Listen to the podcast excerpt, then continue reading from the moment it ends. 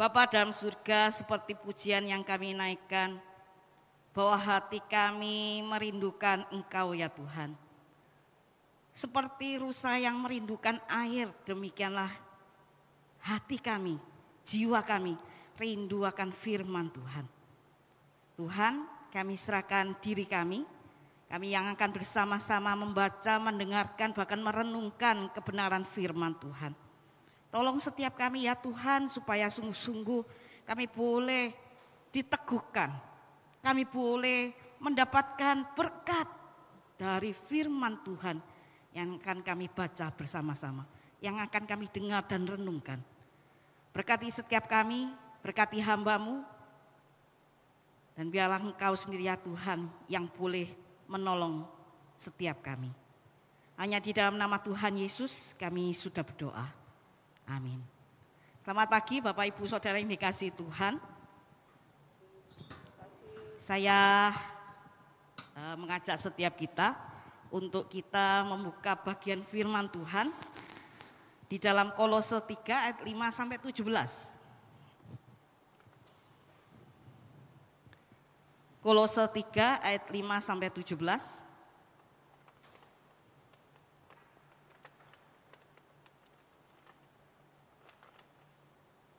Jika sudah menemukannya, silakan Bapak Ibu Saudara menyimak, saya akan membacakannya buat setiap kita. Kolose 3 ayat 5 sampai 17. Demikianlah firman Tuhan. Karena itu matikanlah dalam dirimu segala sesuatu yang duniawi, yaitu percabulan, kenajisan, hawa nafsu, ha, nafsu jahat, dan juga keserakahan yang sama dengan penyembahan berhala. Semuanya itu mendatangkan murka Allah atas orang-orang durhaka. Dahulu kamu juga melakukan hal-hal itu ketika kamu masih hidup di dalamnya.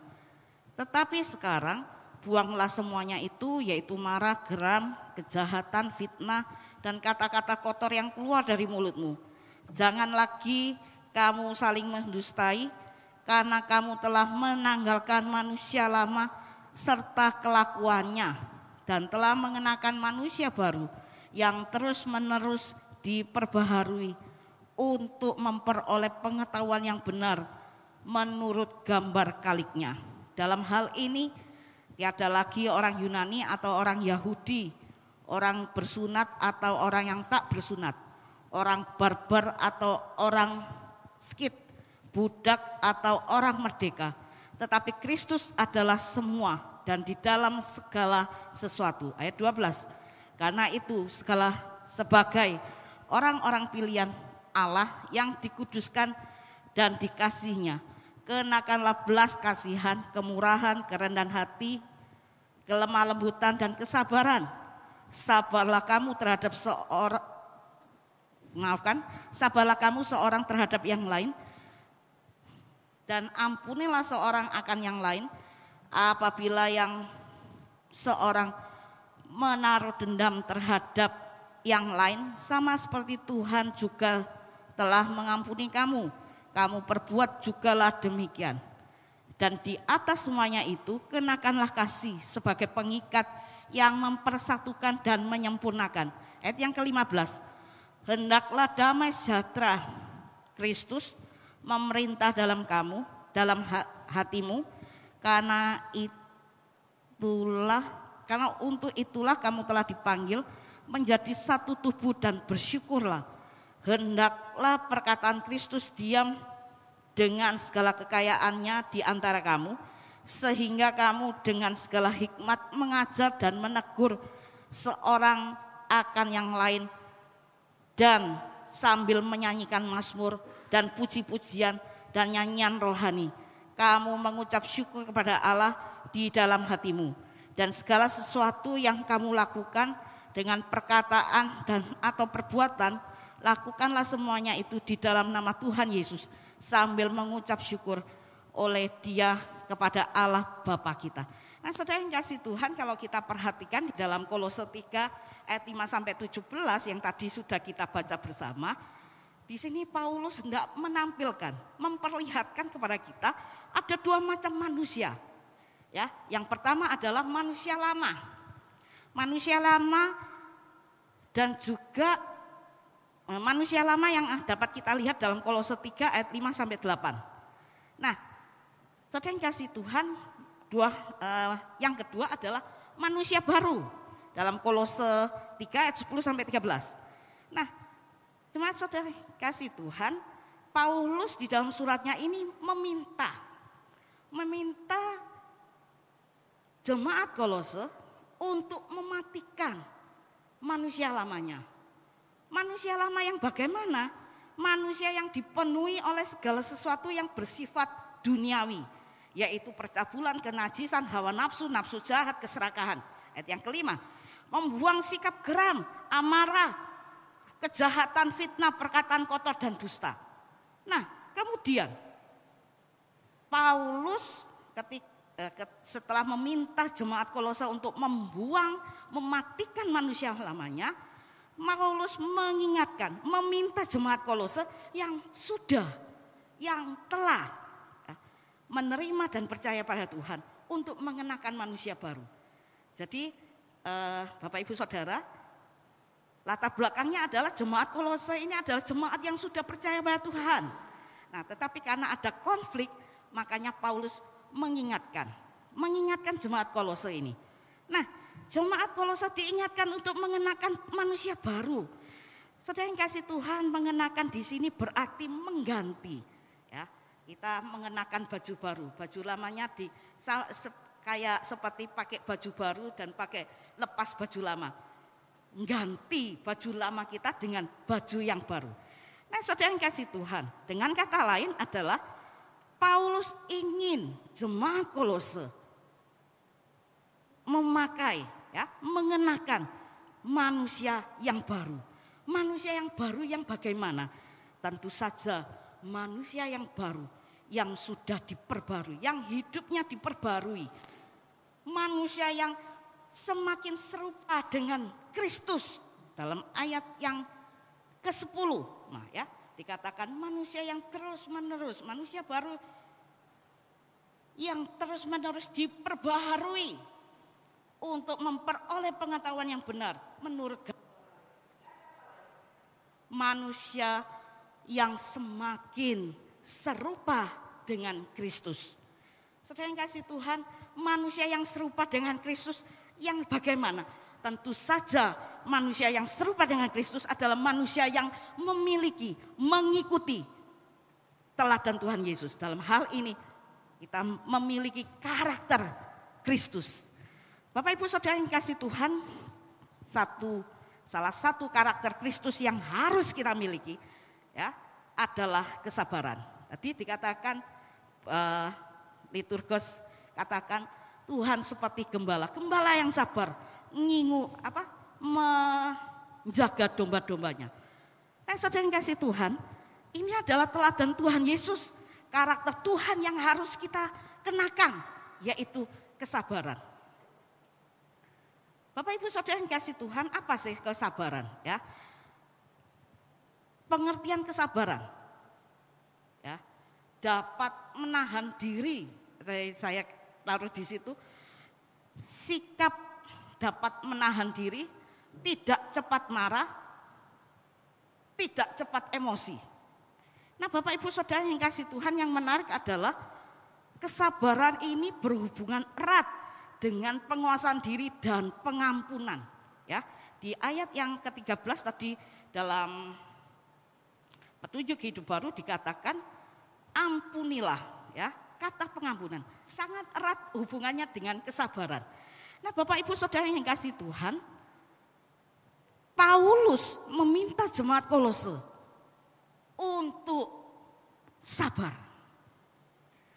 Saya pikir ya Paulus tidak hanya meminta jemaat kolose untuk hidup dengan kesabaran, saya pikir setiap jemaat yang didirikan oleh Paulus itu diminta untuk bersabar.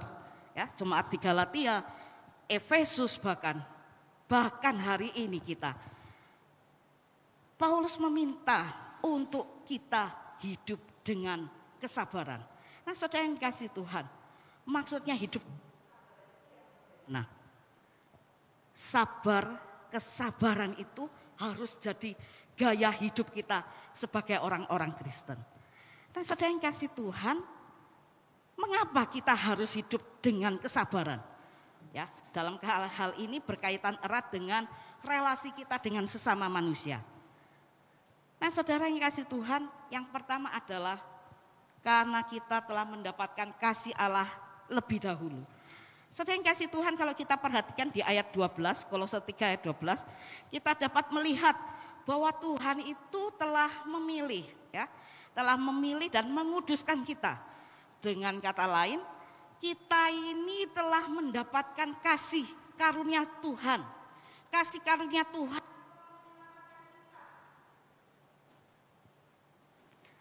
kasih karunia Tuhan telah menyelamatkan kita.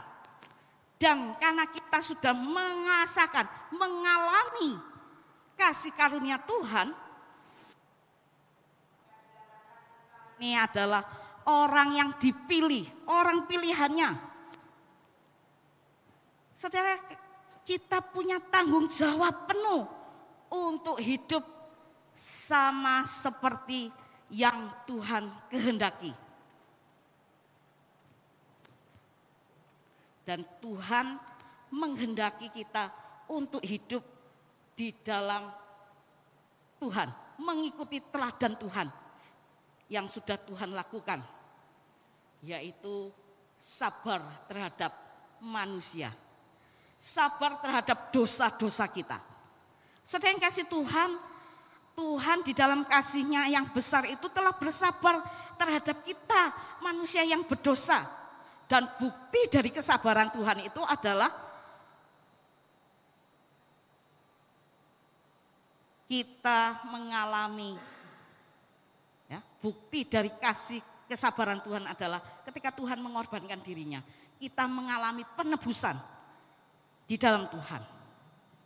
Nah, saudara yang kasih Tuhan, oleh karena itu kita yang sudah menerima kasih dan kesabaran Tuhan, maka sudah sepatutnya lah kita untuk hidup mengikuti teladan Tuhan. Melakukan kehendak Tuhan, yaitu memiliki kesabaran di dalam hidup kita. Sa khusus terhadap yang kedua. Yang kedua adalah Mengapa kita harus hidup dalam kesab dengan kesabaran? Karena kesabaran itu adalah bagian dari kasih. Mari kita perhatikan 1 Korintus 13 ayat yang keempat.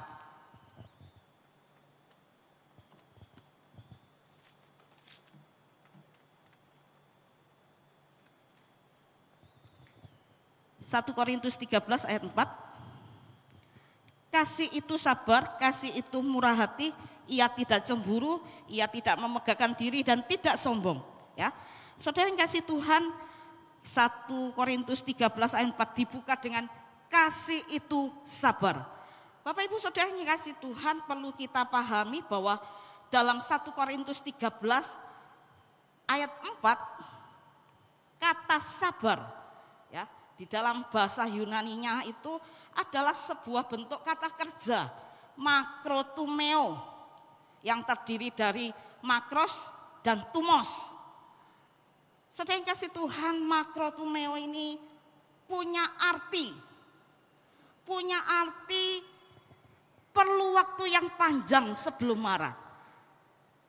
Dengan kata lain, ya, makrotumeo itu menunjukkan, digunakan untuk menunjukkan kesabaran. Kesabaran tidak cepat emosi, tidak cepat marah, tapi sungguh-sungguh dapat menguasai diri. Dan makrotumeo ini digunakan untuk relasi dengan sesama manusia. Jadi dengan kata lain, Bapak Ibu Saudara, ya yang di uh, dalam 1 Korintus 13 ayat 4 ini, kasih itu adalah panjang sabar terhadap sesama kita. Dalam hal ini orang lain. Yang menarik adalah di dalam Kolose 3 ayat 14 Paulus menekankan sekali lagi, kenakanlah kasih. Kenakanlah kasih sebagai pengikat. Nah Bapak Ibu Saudara yang kasih Tuhan, Paulus menegaskan untuk kita mengenakan kasih. Maksudnya apa? Karena hanya dengan kasihlah yang dapat menghasilkan kesabaran yang luar biasa. Yang terus menerus Bukan kesabaran sekali sudah habis. Saya sabar terhadap uh, orang yang menjengkelkan hati. Ya sudah, selesai. Tapi besok saya boleh marahi dia. Saya boleh jewer dia. Enggak. Tapi artinya kesabaran yang terus menerus. Kesabaran di dalam menghadapi orang lain. Menghadapi sesama kita. Yang ketiga, alasan ketiga mengapa kita harus hidup dengan kesabaran. Yang ketiga adalah kesabaran itu merupakan salah satu buah roh. Galatia 5 ayat 22.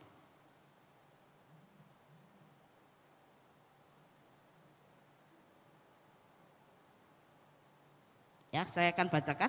Tetapi buah roh ialah kasih, sukacita, damai sejahtera, kesabaran, kemurahan, kebaikan, kesetiaan. Nah Bapak Ibu Saudara yang kasih Tuhan kita tentu tahu sembilan buah roh.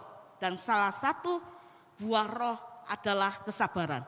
Nah saudara yang kasih Tuhan Paulus dalam Galat, suratnya Galatia mengingatkan bahwa menghasilkan buah roh ya termasuk buah roh kesabaran merupakan satu kewajiban satu keharusan bagi orang yang sudah percaya kepada Tuhan.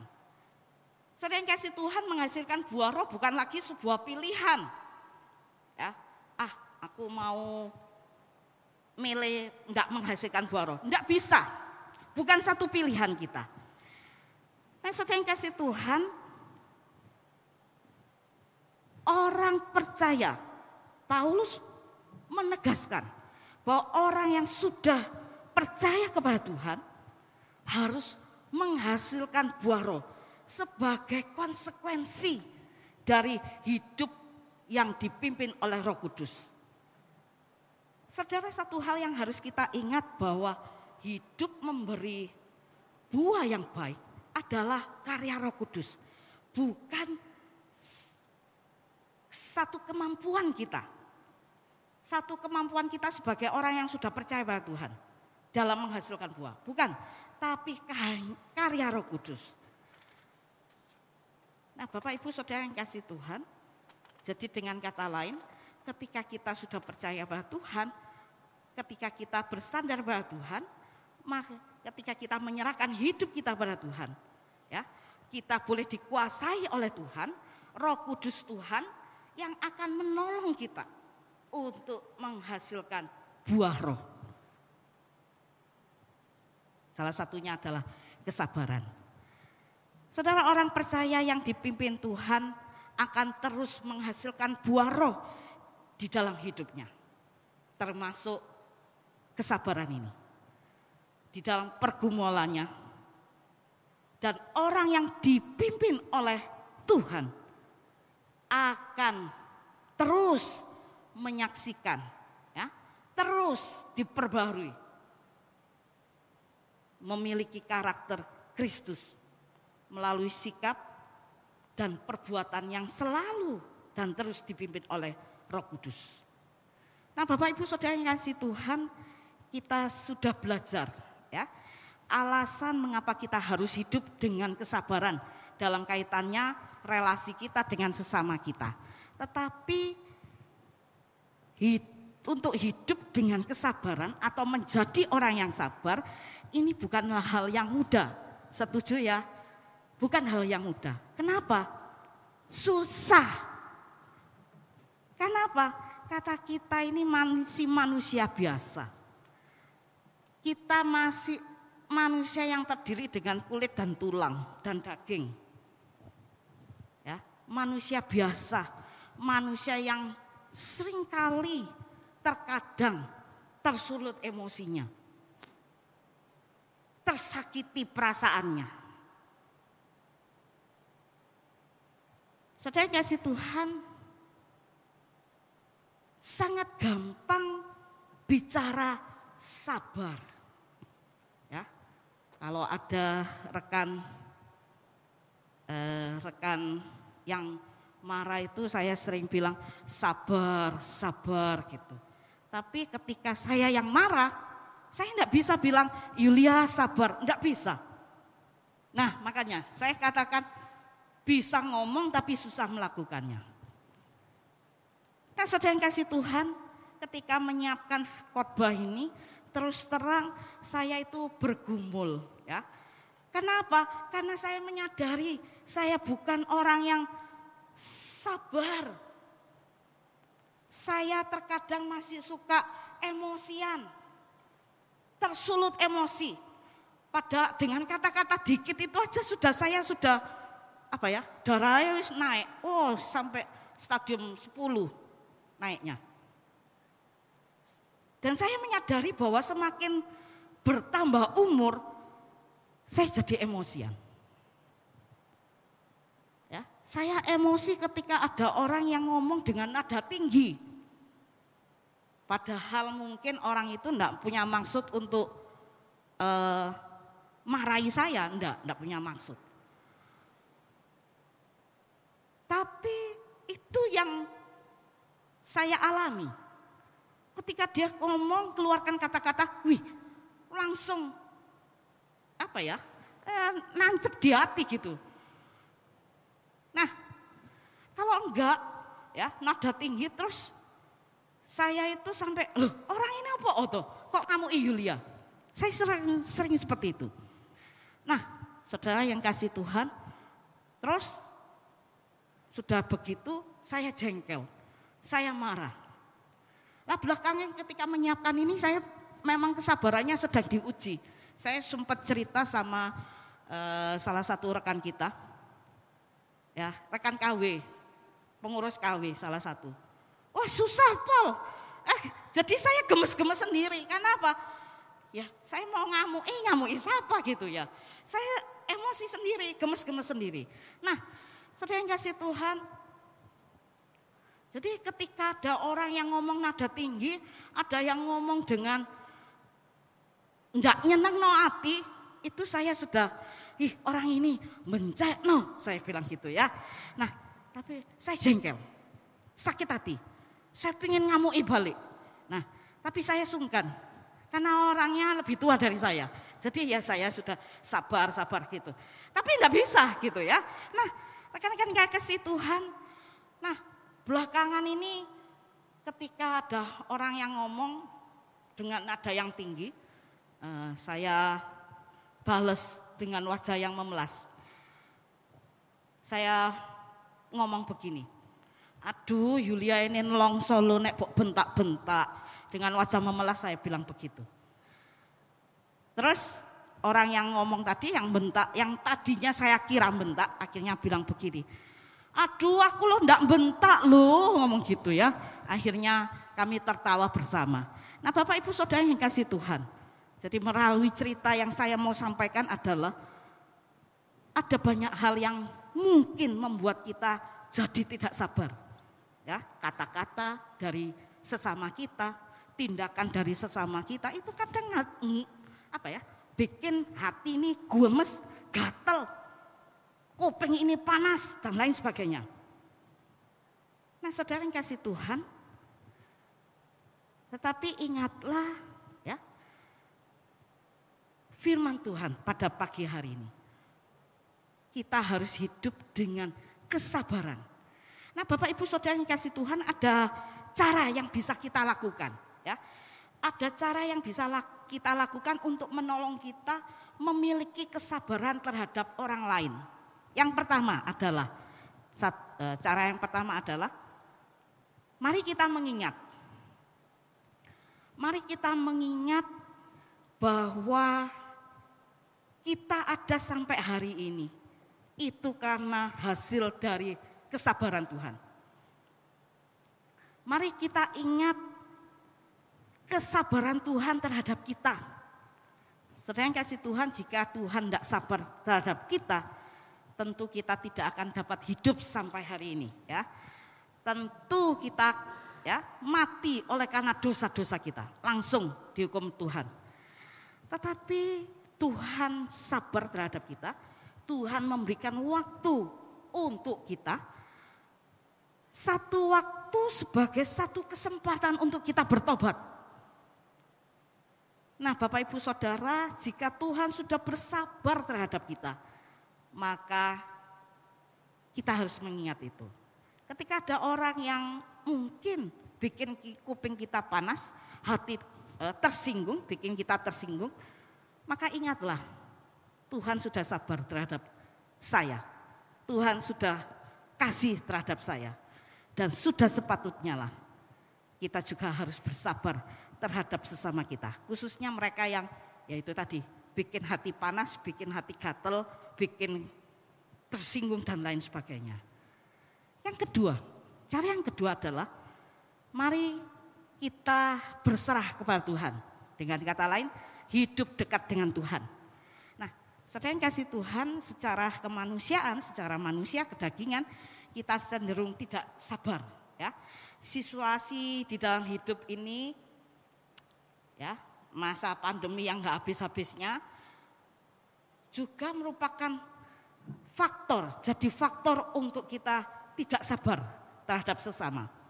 Nah, Bapak Ibu Saudara yang kasih Tuhan, hanya dengan menyerahkan diri kepada Tuhan, hanya dengan hidup dekat dengan Tuhan yang akan memampukan kita untuk bersabar, untuk jadi orang sabar.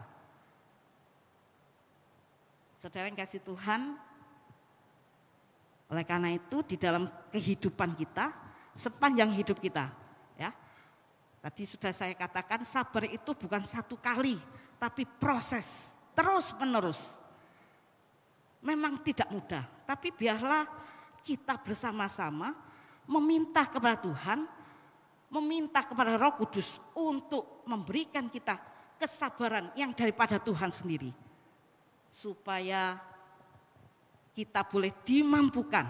Ketika ada orang yang tidak menyenangkan ya melukai hati kita, perasaan kita, bikin kita emosi, kita dapat melakukan, mengasihi dia, tetap bersabar, bahkan memberikan pengampunan buat mereka.